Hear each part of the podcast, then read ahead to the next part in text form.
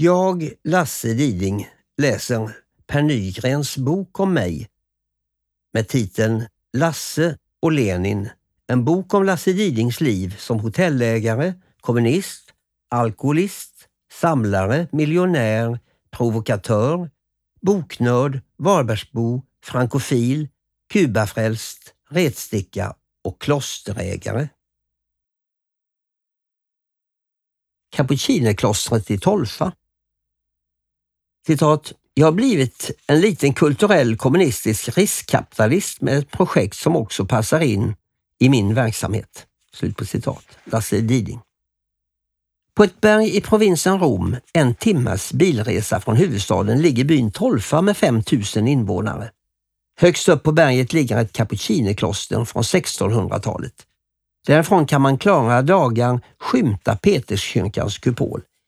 Inga munkar bor längre i klostret som håller på att förvandlas till ett kulturcentrum i ett projekt som initierats och leds av norrmannen Paul Steigan genom företaget Tolfa Development där Lasse Diding och Elisabeth Hallin engagerat sig som delägare och finansiärer med en insats på 5 miljoner kronor.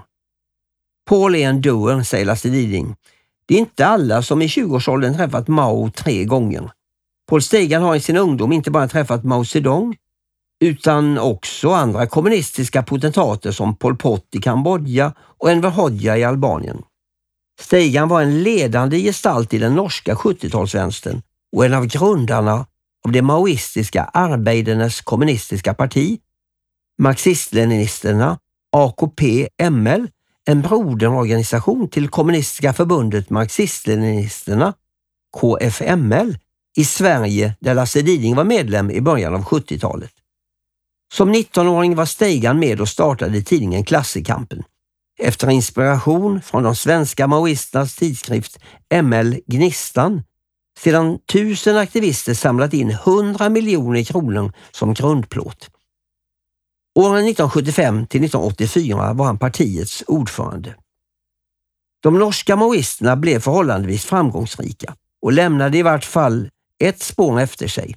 Deras tidning Klassikampen började ges ut som dagstidning 1977, överlevde vänstervågen och är idag en bred kulturradikal tidning med vänsterprofil och med en upplaga på uppemot 30 000 exemplar. Liksom i Sverige kom den socialistiska revolutionen i Norge av sig. Paul Steigan avgick som partiordförande 1984 och fick jobb som uppslagsboksredaktör på det stora norska förlaget Kappelan. Lasse träffade Paul Steigan första gången 2014, indirekt genom författaren Henning Mankel. Steigan och Mankel hade blivit nära vänner redan på 1970-talet och delade samma politiska värderingar. Mankel berättade för Lasse att Steigans bok En gång skall jorden bliva vår, strategi för en ny värld, som gavs ut 2011, var den bästa han läst. Då Steigan tillsammans med en kamrat tog över Oslos äldsta biograf och startade Parkteatern, som kom att bli en välrenommerad kulturscen, lånade Mankel ut 3 miljoner kronor till projektet. När lånet betalades tillbaka gick en del av pengarna in i Jan Myrdal-sällskapet. Lasses bekantskap med Paul Steigan är alltså av senare datum. Jag kom i kontakt med Lasse via Henning Mankel, eller indirekt genom Henning. Henning och jag var nämligen svärt gode vänner och samarbetet om mycket. Jag förtalte han mycket om Tolfa och rätt för han dödde blev vi eniga om att han skulle bidra med kapital till klosterprojektet. Så gick det 13 dagar så dödde han, skriver Paul Stegan i ett mejl. Han fortsätter. I begravelsen till Henning diskuterade jag detta och andra ting med Per Axelsson, bland annat redaktör för ML Gnista några år på 70-talet och styrelseledamot i Jan Han föreslog att vi skulle spöra Lasse om han kunde husa en viktig konferens i Hotell Gästis i januari 2014. Det sa Lasse ja till och där blev jag känt med honom. Efter kort tid spurte jag om han ville vara med på klosterprojektet och efter att ha sett klostret och Tolfa sa han ja. Den viktiga konferens som Lasse sponsrade på Gästis i januari 2014 samlade vänsterfolk från Sverige och Norge för att bland annat diskutera media. Där presenterade Paul Steigan sin plan för en nättidning, steigan.no, där han framför allt själv skriver varje dag och som numera når en betydande läsekrets. Lasse minns konferensen på sitt sätt. De tio främsta norska vänsterskallarna och tio svenska möttes under ett par dagar med mat och husrum på Gästis. Det var så jag och Paul kom i kontakt första gången. Jag var nervös och skulle hälsa deltagarna välkomna till Gästis. Men Paul slarvade med tekniken. Det blev inte perfekt. För mig var skammen så stor så jag inte kunde visa mig på konferensen de kommande dagarna. Jag höll mig hemma och tyckte och livet var piss. Jag sa till Paul att om du gör om det du gjorde där så kommer vi aldrig mer att samarbeta. Han sa att ingen annan märkte det. Men jag märkte det och jag vill att allt ska vara perfekt. Trots debaclet på konferensen och det första mötet med Paul Steigan gick Lasse in i klosterprojektet i Tolfa. Paul Steigan hade varit verksam i Tolfa sedan mitten av 90-talet där han tillsammans med vänner skapat ett norsk-italienskt studiecenter. Det ägs idag av närmare hundra norska författare och kulturpersonligheter genom en ekonomisk förening som tagit över en villa i byn. Villan har tidigare varit nunnekloster. Arbetet med att bygga upp det norsk-italienska studiecentret har gett Paul Steigan och norrmännen ett gott rykte i Tolfa eftersom de också engagerade sig i byn och tillsammans med grannar rustade upp centrum. Det var också därför han blev uppvaktad om kapucinerklostret. Stegan berättar på sin blogg, citat, Kommunstyrelsens ordförande inviterade mig på middag och hela hänsikten med invitationen kom under desserten då han gav mig följande utfordring. Paul, du vet att vi icke klarar att få till någon förnuftig drift av Cappuccini-klostret. Tror du att du kunde finna en lösning? Vad säger man till sånt? Jag svarte det jag mente, nämligen ge mig en god kontrakt så tror jag att jag ska få det till. Slut på citat. Lasse reste till Tolfa för att vara med på ett möte med kommunledningen. Jag skulle sitta i ett hörn och spela rollen av excentrisk miljonär, nicka lite ibland och låtsas att jag hade hur mycket pengar som helst, säger Lasse om sin roll. Skulle någon annan ha kommit och frågat mig om jag ville satsa pengar i ett projekt i Italien med maffia, byråkrati och korruption så hade jag sagt nej. Men jag visste vad Stegan gjort. Jag kände till hans bakgrund. Jag såg hur han lyckats med sin blogg och med det före detta nunneklostret i Tolfa som genererar tio övernattningar per dag. Paul är en man som aldrig ger sig. Avtalet innebär att vi hyr klostret i 35 år med möjlig förlängning på 20 år. Hyran är 200 000 kronor per år, men den räknas av från alla investeringar vi gör. Jag och Elisabeth har lovat satsa 2,5 miljon var. Steigan, hans kollega Sigurd Johansen och två av deras söner satsar sammanlagt 400 000 om året och de står för allt jobb, berättade Lasse i ett tidigt skede av projektet. Ett bakslag drabbade projektet hos Sigurd Johanssons son, ägaren till ett par pubbar i London, drog sig ur efter en varm sommar i Tolfa. Då var Paul för första gången lite spak. Han var orolig för att jag också skulle hoppa av, men jag sa okej, okay, vi kör ett år i taget och går det bra så fortsätter vi. Han pustade ut. Jag frågade vad som skulle ha hänt om jag hade hoppat av. Då hade jag varit slut i byn, sa Paul. Alla i Tolfa, småföretagare, jordbrukare, ja alla vill ju att klostret ska bli en dragare för hela byn. Just så, som ett projekt för hela samhället presenterar visionären och doen Paul Stegan sitt klosterprojekt. Citat. I löpet av några år skall vi pussa upp och utveckla detta flotta anlägget. Det skall göras med respekt och kärlighet. Anlägget skall igen bli en stolthet för Tolfa och det ska bli navet i det vi hoppas ska bli en kulturell och ekonomisk utveckling, en lokal renascimento, renässans. Hjärtat i anlägget är en nydelig kortile, en klostergård med bueganger och brunn i mitten. Detta projektet vill bara lyckas hvis vi knyter det till det andra som sker eller kan ske i Tolfa. Vi snackar med lokala producenter och vi tröftar idéer. Här är det tröffler och olja. Varför kan vi inte få fram en god lokal tröffelolja? På 1500-talet var det vinen från Tolfa påven foretrakk, Kan vi icke få fram en lokal vin med lite stil over? Och bör icke ett kloster ha urtelikør och öl från handbryggerier? Det er grotter i tre nivåer under klostret. der må det la sig gjøre och få noe ut av. vinkjeller, bodege, vi får se. Av historiska orsaker är mesteparten av jorda i Tolfa en allmänning. Det är ganska unikt i Italien och det ger någon spännande möjligheter. Det är ingenting i vägen för att allmänningsstyret kan ge en grupp ungdomar möjligheten till att laga ett jordbrukskooperativ för att pröva att skaffa sig ett levebröd på den måten. Så kan vi sörja för att produkterna deras blir gjort känt genom prövesmaking och förmedling på klostret. Det finns lokala osteproducenter som lagar god ost. Både av geite, saue och kumölk. Det är en ung jente nere i dalen som producerar ekologiska grönsaker och säljer dem via internet. Vi har vildsvinsjakt och kastanjer och tröfflor och steinsopp och kajserfluesopp som är en utsökt delikatesse. Slut på citat. Senare har andra kriser drabbat Tolfa-projektet, bland annat på grund av pandemin 2020. Vad det blir återstår att se. Visst är det roligt att satsa fem miljoner på ett kloster som kanske inte blir en inkomstkälla, men då äger vi det ändå och vi går inte under och jag skulle inte känna någon skam om det misslyckas som jag skulle göra med Gästis eller Havanna. Med klostret kan jag bära ett misslyckande på ett annat sätt, för det är inte så nära mig själv. Det är i första hand ett kulturellt projekt, inget vänsterprojekt.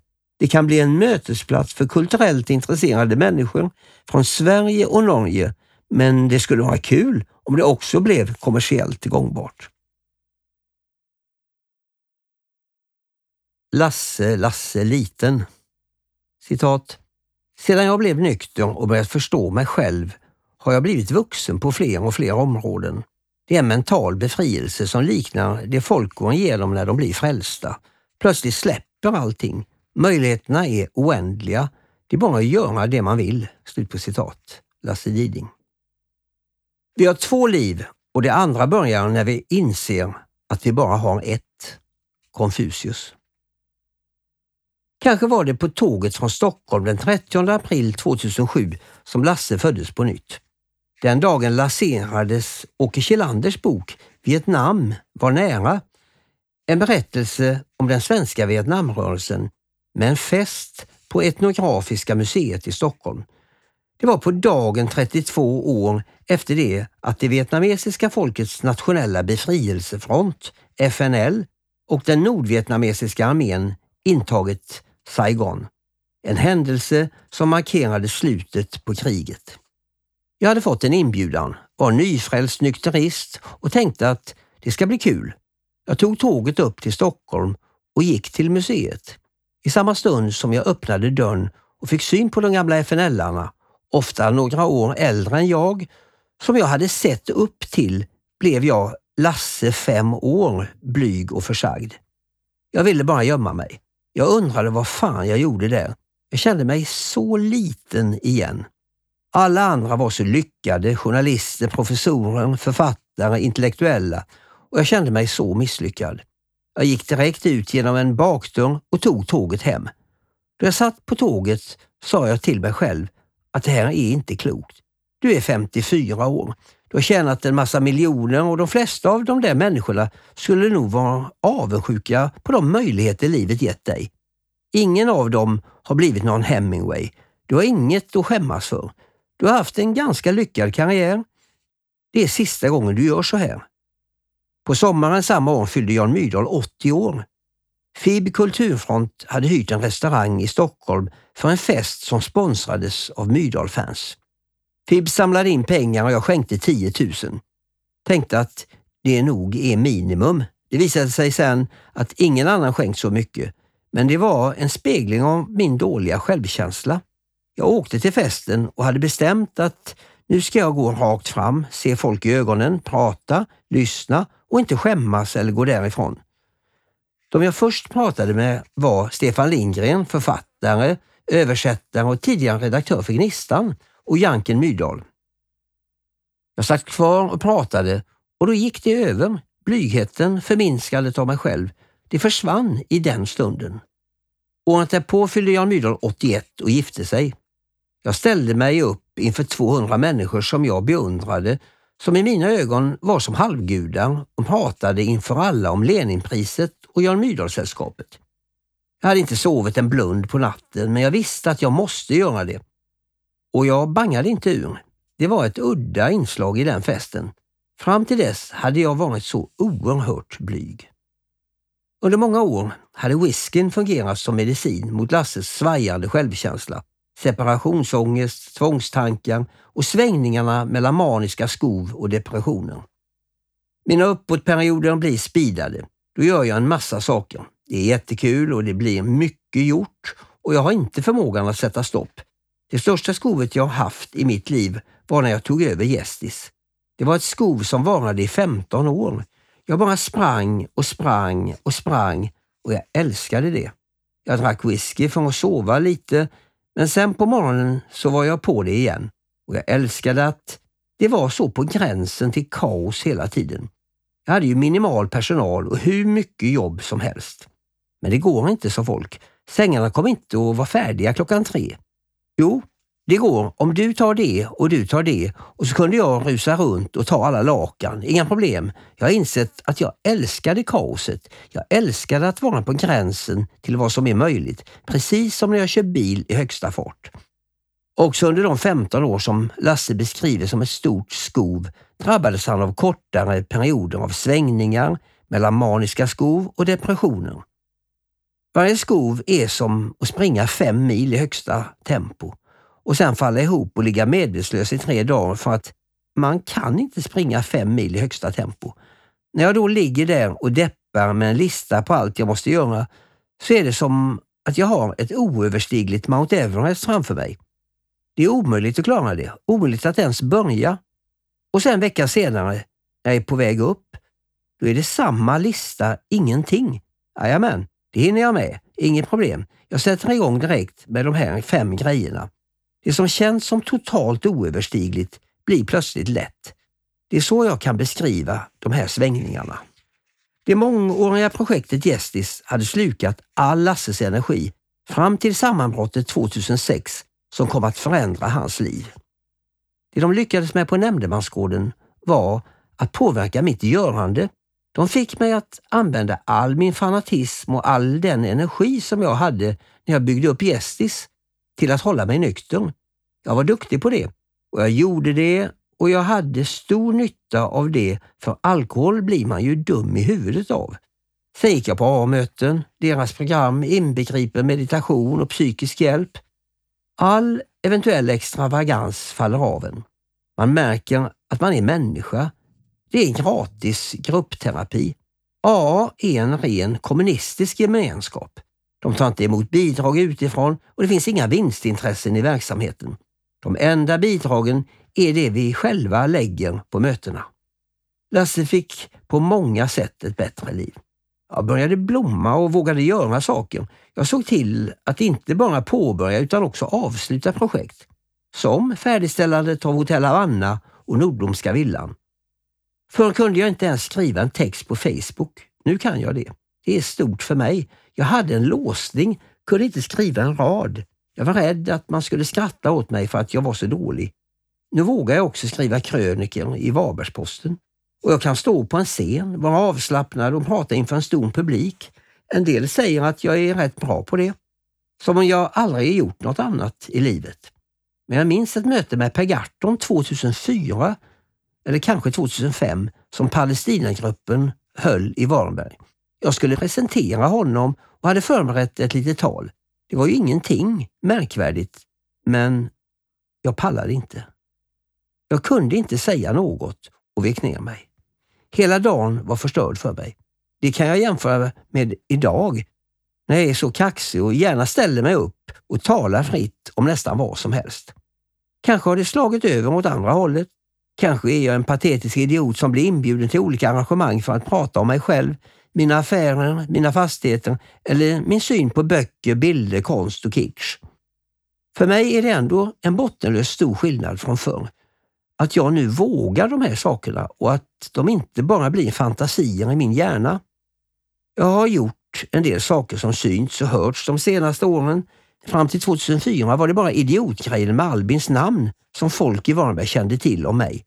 Det där med Albins namn var bara en grej som jag halkade in i av en tillfällighet för att jag kände mig kränkt. Det var uppenbar galenskap. Lenin är kanske också galenskap, men vi är några stycken som ser Lenin som en symbol för strävandet efter en rättvisare värld, så det finns en mening med min Lenin-galenskap. Svängningarna, sinnets berg och dalbana, fortsatte också under Lasses nya nyktra liv. När han drogs ner av oro och ångest i samband med färdigställandet av Hotell Havanna började han i samtalsterapi och lärde sig skillnaden mellan görande och varande.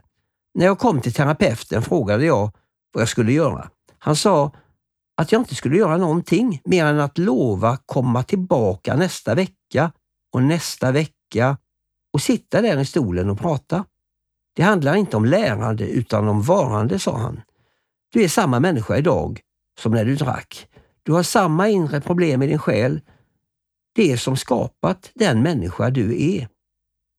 På inrådan av terapeuten medicinerade Lasse mot depression under några månader. Egentligen hade jag bestämt mig för att aldrig mer ta sådana tabletter, men det kan vara farligt om depressionen går för långt.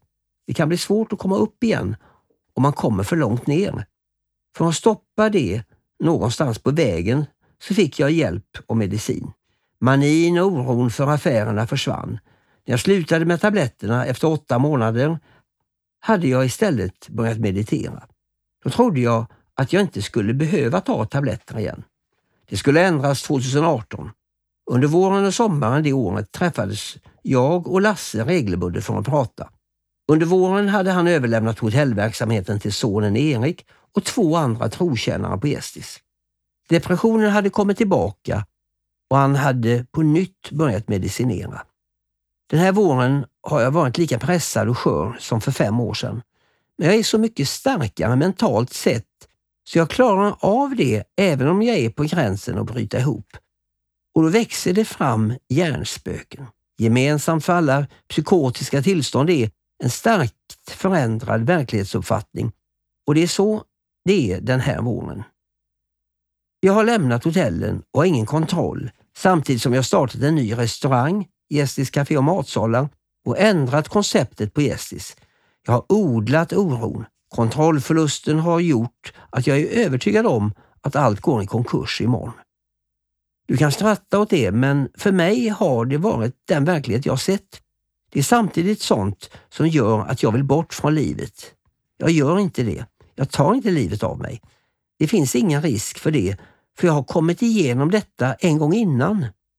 Jag har varit med om det en gång och jag vet att det finns en befrielse på andra sidan.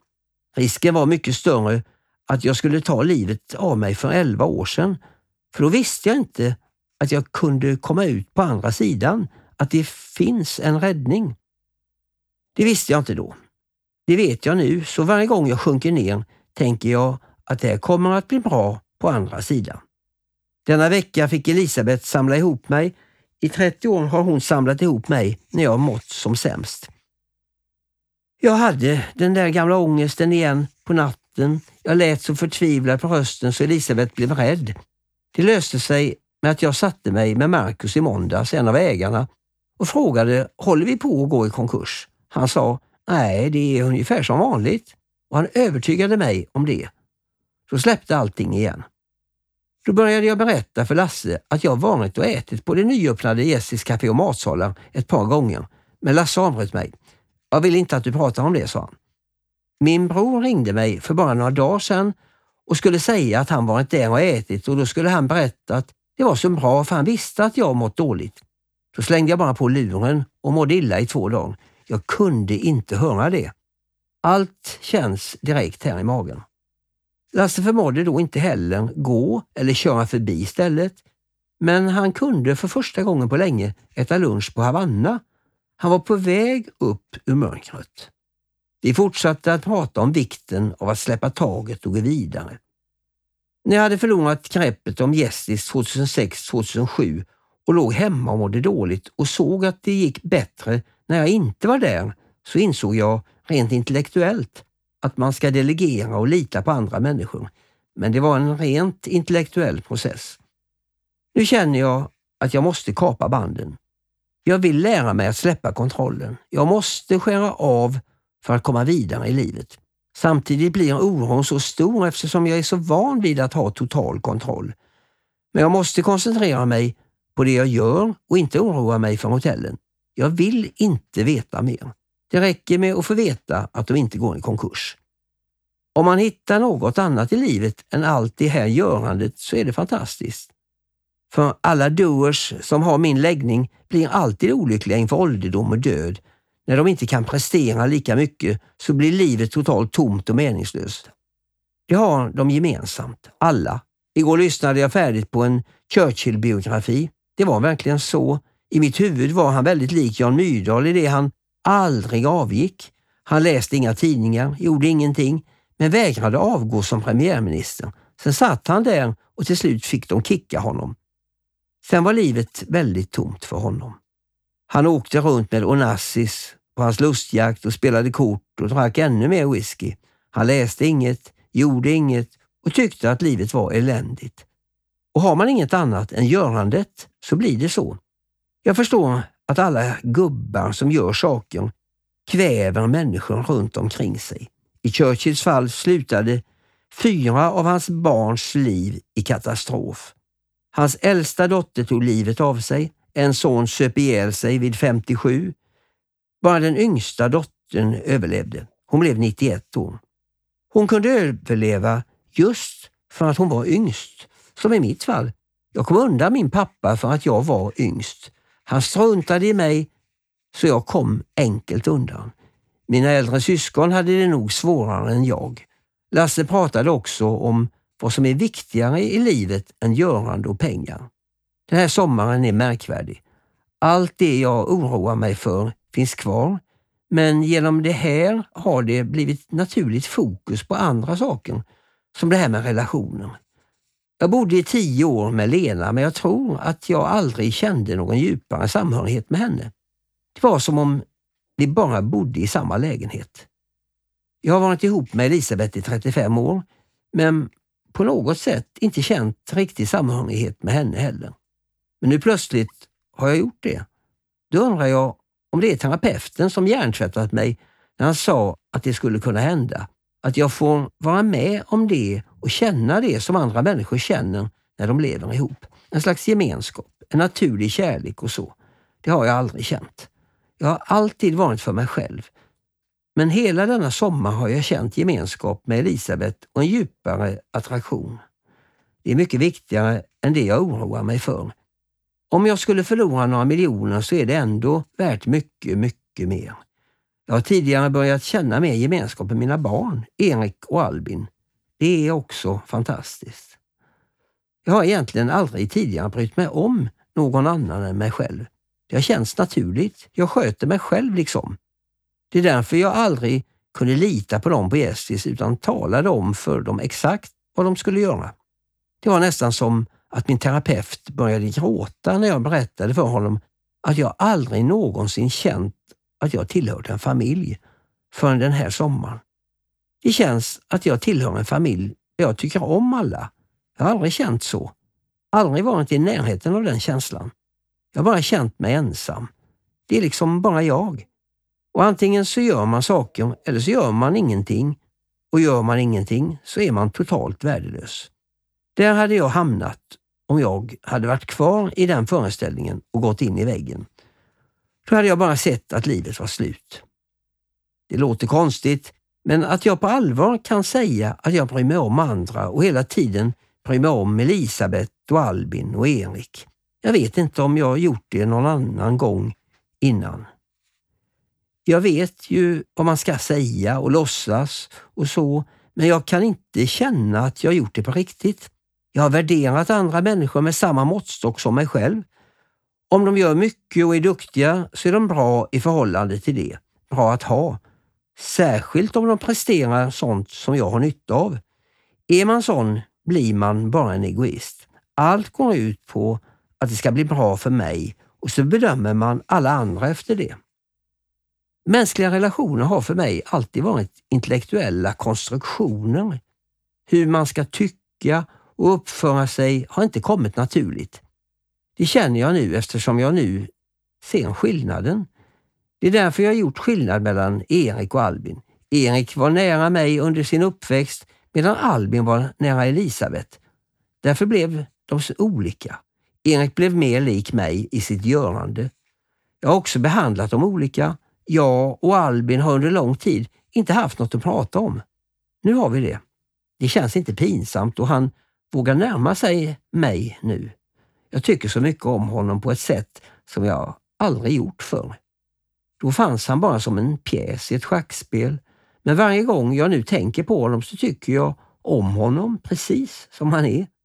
Jag sa det till honom. Jag är bra på sånt som han inte är så bra på och han är jävligt bra på sånt som jag inte är så bra på. Som att bry sig om andra människor och ta hand om andra människor. Jag tänker, så vill jag bli. Ska jag leva 30 år till så vill jag inte gå på tomgång och krafterna tar ju slut. När vi nästa gång pratade om Lasses relationer till sin närmaste familj hade han nyss brutit upp från Elisabet för tionde eller kanske bara sjätte gången. Det jag sa till dig sommaren 2018 om en djupare attraktion var sant, men det kanske berodde på att jag var deprimerad igen. Då behövde jag henne. Denna gång känns det tryggt, sa Lasse. Det befästes av att han köpt en frisörsax så att hans assistent och bibliotekarie skulle kunna ta över Elisabets roll i fråga om att klippa hans hår. Att gå till frisören låg bortom Lasses föreställningsvärld. Så vuxen hade han ännu inte blivit.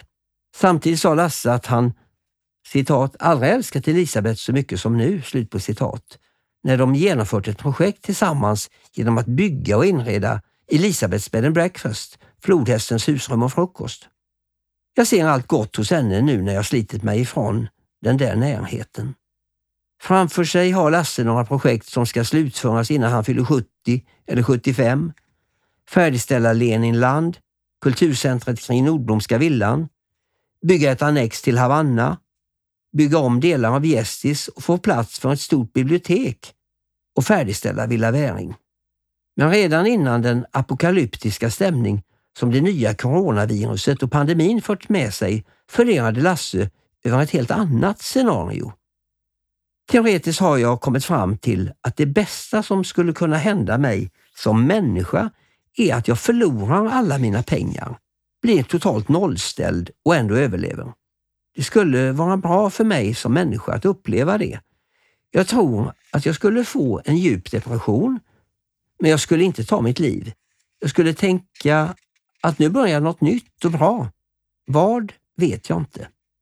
Oavsett vad som händer hoppas jag kunna ägna mig åt att fördjupa den förändring som skett i mitt liv de senaste tio åren. Jag skulle gärna vilja skriva en bok, en riktig bok. Det är något stort jag alltid har längtat efter men aldrig vågat. Det kan bli den livslögn jag dör med. Jag har inga andra ambitioner än att lära mig mer om mig själv och livet. Jag vill alltid förstå livet, filosofera om dess mysterier och varför det blivit som det har blivit för mig. Det kan man väl syssla med lika väl som något annat eftersom det inte finns någon mening med livet annat än den man ger det. Avslutande kronologi 1660-talet Varbergs Skivarnagård Gästis anläggs i nuvarande kvarteret Gästgivaren vid torget. Dagens Hotell Gästis säger sig därför vara Varbergs äldsta hotell och kanske också stadens äldsta företag. 1914 Lasses föräldrar Bertil Andersson och Lilly Gustafsson föds. 1920-tal Lasses farmor Gerda Andersson driver café på Påskberget tillsammans med sina tre ogifta systrar Agda, Ester och Nelly. 1930, 16 år gammal, får Bertil arbete på Göteborgs bank i Varnberg. 1936 Lasses farfar avlider. 22 år gammal blir Bertil familjens huvudman med ansvar för syskonen Nils-Åke, Stig och Inga. 1938 Bertil och hans bröder tar sig efternamnet Diding. Bertil och Lilly gifter sig och reser på bröllopsresa till Berlin. 1939 Bertil köper in 5000 kilo kaffe och tillförsäkrar sig därmed kaffe till familjens serveringar, Nya konditoriet och fästningsterrassen under de följande årens ransonering. 1940-talet Lasses äldre syskon föds, Jan 1940, Peter 1942, Hans 1944 och Eva 1949. 1953 Lasse föds den 24 april, sju veckor efter Josef Stalins frånfälle den 5 mars. 1961 Lasses extramamma Vera gifter sig och slutar sin anställning som hembiträde hos familjen Diding på Bäckgatan 8. 1962 Lasse börjar spela tennis. 1964 Lasses bror Hans lär Lasse att börja samla på mynt. 1969 Lasse läser om och om igen Leo Hubermans Socialismens ABC och grips av socialismens idéer. Första spadtaget tas för Ringhals kärnkraftverk i Värö som två år senare blir en del av Varbergs kommun. Kraftverket är under många år Sveriges största byggarbetsplats, vilket bidrar till hög efterfrågan på hotellrum, inte minst på Gästis. 1970 Lasse startar en Varbergs FNL-grupp samma år börjar han arbeta extra på Hotell Gästis som ägs av hans bror Jan. Han lusläser första bandet av Karl Marx Kapitalet och upptäcker i Aftonbladet Jan Myrdals skriftställningar som kommer att bli Lasses universitet. 1971 Lasse flyttar till Göteborg för att avsluta sina gymnasiestudier på experimentgymnasiet. Samma år är Lasse med på nya Folket i Bild från konstituerande stämma i Stockholm där han första gången träffar Jan Myrdal. 1972 Lasse jobbar extra på Svante Grauers legendariska antikvariat Samlaren i Göteborg där han får betalt i böcker. Han påbörjar studier i ekonomisk historia på universitetet. Samma år försvinner Nya konditoriet och fästningsterrassen där Lasse sprungit som barn ur familjens ägo. Nordvietnams huvudstad Hanoi och Haiphong bombas under julhelgen. 1973. Folket i Bild Kulturfront avslöjar den hemliga militära spionorganisationen IB. Kommunistiska förbundet Marxist-Leninisterna KFML, där Lasse är medlem, byter namn till Sveriges kommunistiska parti, SKP. Lasse flyttar till Stockholm för att studera litteraturhistoria vid universitetet. Han tillhör samma SKP-avdelning som Jan Guillou som han besöker i fängelset där Guillou hamnat efter att ha dömts för spioneri på grund av IB-avslöjandet. 1974 Lasse flyttar ihop med Lena och lär sig äta mer än tre rätter, bland annat spaghetti med köttfärssås. 1975 Lasses och Lenas son Erik föds. Södra Vietnams huvudstad Saigon intas av FNL och nordvietnamesiska styrkor den 30 april. Vietnamkriget tar slut. 1976 Lasse tar körkort. 1979. Efter att ha kommit över sin tentamensskräck tar Lasse sina första universitetspoäng i Göteborg. 1981. Lasse får fastigheten på Snidaregatan där Jan Myrdal-biblioteket nu ligger i gåva av sin far och flyttar dit med sin familj. 1983. Lasse och Lena separerar. 1984. Lasse blir färdig ämneslärare i svenska och historia och börjar arbeta på Påskbergsskolan i Varberg där han stannar i fem år. Samma dag han börjar sitt arbete på skolan lockar han ner sin blivande livskamrat Elisabeth Hallin som också får jobb på skolan. De blir ett par. 1985. Lasse reser på bilsemester till Frankrike under en månad, något han sedan dess upprepar så gott som varje år. 1986. Statsminister Olof Palme mördas. 1987. Den 1 januari tar Lasse över Hotell Gästis av sin bror Jan. 1991. Sonen Albin föds och Lasse inleder en strid mot Skatteverket om sonens namn som Lasse enligt patafysisk tradition vill stava BRFXX, CCCXX, CC, LLL, MMN, PRX, VCL, MNCK, SS, QL, BB 6. 1994. Bertil Liding köper fastigheten där Hotell Gästis ligger och avtalar med Lasse om att han får ta över fastigheten till samma pris när han så önskar. 1995. Lasse besöker Kuba och Havanna för första gången. 2000. Lasse får hjälp av sin bror Peter för att övertala sin far att också formellt överlåta Gästisfastigheten. Lasse köper även Gästis grannfastighet mitt över gatan för att framöver möjliggöra hotellets utbyggnad. 2001. Lasses mor Lilly dör. 2002. Hotell Gästis får lysande recensioner i Dagens Industri och nämns bland några av landets främsta hotell. 2003. Lasse köper Nordblomska villan för 5,7 miljoner. Det högsta pris som dittills betalats för en bostad i Varberg. 2005. Bertil Liding dör i mars. En åtta år lång arvstvist inleds. I november åker Lasse fast med 0,24 promille alkohol i blodet, döms för rattonykterhet och åläggs att använda alkolås för att få tillbaka körkortet. Han drabbas av en personlig kris och går in i väggen. 2006. Lasse köper vandrarhemmet Skeppsgården som senare kommer att förvandlas till Hotell Havanna. Samma år försöker han på egen hand sluta dricka alkohol. Efter fem misslyckade försök skriver han in sig på behandlingshemmet Nämndemansgården där han hittar andlig sekulär förnyelse och blir hängiven nykterist. 2007. Under Lasses första nyktra år tar han emot priset som Årets företagare i Varberg 2006. Samma år öppnar Leninbadet. 2008. I samband med Jan Myrdals bröllop med Andrea Gaitan Vega tar Lasse initiativet till det litterära Jan Myrdalssällskapet och instiftar samtidigt det årliga Jan Myrdals stora pris, Leninpriset, med en prissumma på 100 000 kronor.